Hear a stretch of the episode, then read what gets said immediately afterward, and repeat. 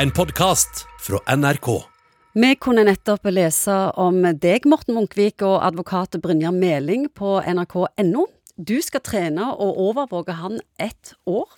Han skal gå, som han sjøl sier, fra feit til fitt. Og jeg lurer på hvor langt dere er i prosessen nå? Ja, han, eh, han er bitte lite grann mindre feit, men jeg vil ikke si han er fitt ennå. Nei. Eh, nei. Eh, sånn at eh, han jobber på og er kjempemotivert for dette her. Og det som er min eh, oppgave nå, og eh, Kristine, som hjelper meg med treningen av eh, denne mannen, er å holde han tilbake, rett og slett. Hvorfor er det så viktig? For jeg merker meg det at det handler veldig mye om å holde tilbake og ha et helt bevisst tempo. Ja. Brynjar eh, og mange med han tar sikkert tak i seg sjøl på et eller annet tidspunkt og tenker nå må jeg gjøre noe med dette forfallet. Og så setter de i gang med en trening som er litt vel intensiv. Og da kan en gå på en smell både med at eh, musklene og kroppen får seg et sjokk og ikke orker dette. og Det blir for vondt, og du gidder ikke å trene på denne måten. Så det handler om å gjøre en mer fornuftig tilnærming til et økt fysisk aktivitetsnivå som gjør at eh, kroppen blir vant til det og ikke går på noe sånne vondter som, som, som bare er demotiverende. Er det litt underkommunisert til folket der ute? For det er jo enormt mange som starter med nyttårsforsetter og lignende ting, og så ramler av at en ikke legger nok vekt på å gjøre kroppen klar.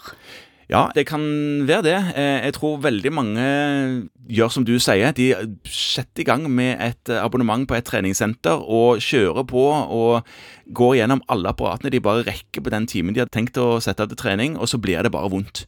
Og så ser de ikke noe særlig effekt heller. Så en mer sånn Og så begynner du å grue deg til neste gang. Ja, ikke sant? Og så så en mer tilrettelagt tilnærming til treningen er lurt. og Dette klarer du sjøl, men du kan òg kanskje eh, få litt innspill fra folk som, som har hjulpet andre før. Du sier òg at det er ikke spesielt lurt å slanke seg for fort. Hvorfor ikke? Det handler jo om dette jojo-fenomenet som veldig mange som har slanka seg, kjenner seg igjen i. At dersom man går ned, så går man veldig fort opp igjen.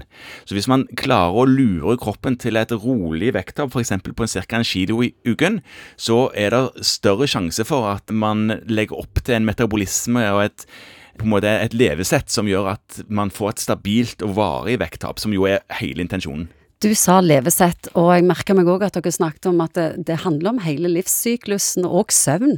Ja, veldig viktig med søvn. Det er, under, det er iallfall underkommunisert. At mennesket er veldig avhengig av å få nok søvn for å legge til rette for alt det andre som vi prøver å få til. Så både kosthold, fysisk aktivitet, alkoholvaner og søvn. Alle de tre fire, kanskje, tingene er veldig vesentlige for å få dette prosjektet i havn. Det er ikke mange som har greid å få han Meling til å legge seg så tidlig.